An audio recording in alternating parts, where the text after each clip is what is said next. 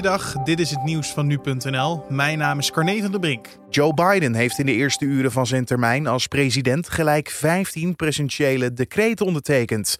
Onder meer op het gebied van klimaat en immigratie. Daarmee zijn verschillende omstreden beslissingen van zijn voorganger Trump weer teruggedraaid. Een van de decreten zorgt ervoor dat Amerika weer terugkeert in het klimaatverdrag van Parijs. De kerstverse president maakte ook mondkapjes verplicht in alle gebouwen van de federale overheid en op federale grond. Het is gebruikelijk voor presidenten om direct aan het begin van een termijn op deze manier verkiezingsbeloftes in te lossen. Een decreet is geen wet en hoeft dus niet eerst langs het congres. Dit geeft presidenten veel macht. De nieuwe kazerne van de mariniers die in kamp Nieuwe Milligen bij Apeldoorn komt, is eind 2028 klaar. Het moet plaats gaan bieden aan meer dan 2000 mensen, zo schrijft staatssecretaris Barbara Visser van Defensie aan de Tweede Kamer. In 2012 werd besloten dat de mariniers uit Doorn naar Vlissingen zouden verhuizen. Dat leidde tot weerstand en veel mariniers vertrokken.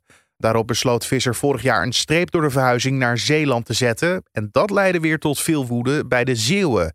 Zij kregen daarom een compensatie en excuses van het kabinet.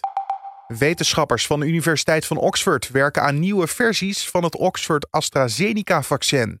Die bescherming moeten bieden tegen de gemuteerde varianten van het coronavirus, dat meldt de Britse krant The Telegraph.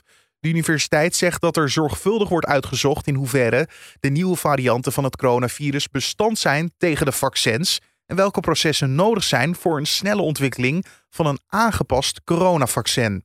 De Britse premier Boris Johnson zei al dat de Britse medicijntoezichthouder gereed zal zijn voor het beoordelen en goedkeuren van een aangepast vaccin.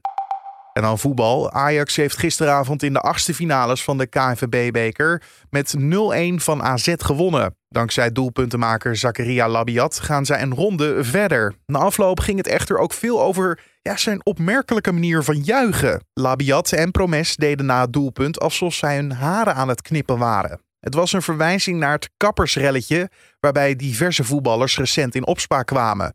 Een bekende kapper plaatste afgelopen week video's waarin hij tal van voetballers een knipbeurt geeft, wat natuurlijk niet mag volgens de coronaregels. De collega's van ESPN vroegen Labiat na afloop naar dit relletje. Ja, goed. Er uh, werd natuurlijk gezegd over de kappers. Ja. Uh, dat ik naar de kapper ben gegaan. Uh, André, eh, Quincy. En je ziet gewoon duidelijk dat, uh, dat die video's gewoon van maanden geleden zijn. Je ziet het ook aan mijn kapsel dat het uh, aardig ja, gegroeid is. Je kan wel weer eens wat fresh gebruiken, ja. Ja, ik ga mijn vrouw vragen of ze het kan knippen. En tot zover de nieuwsupdate van nu.nl.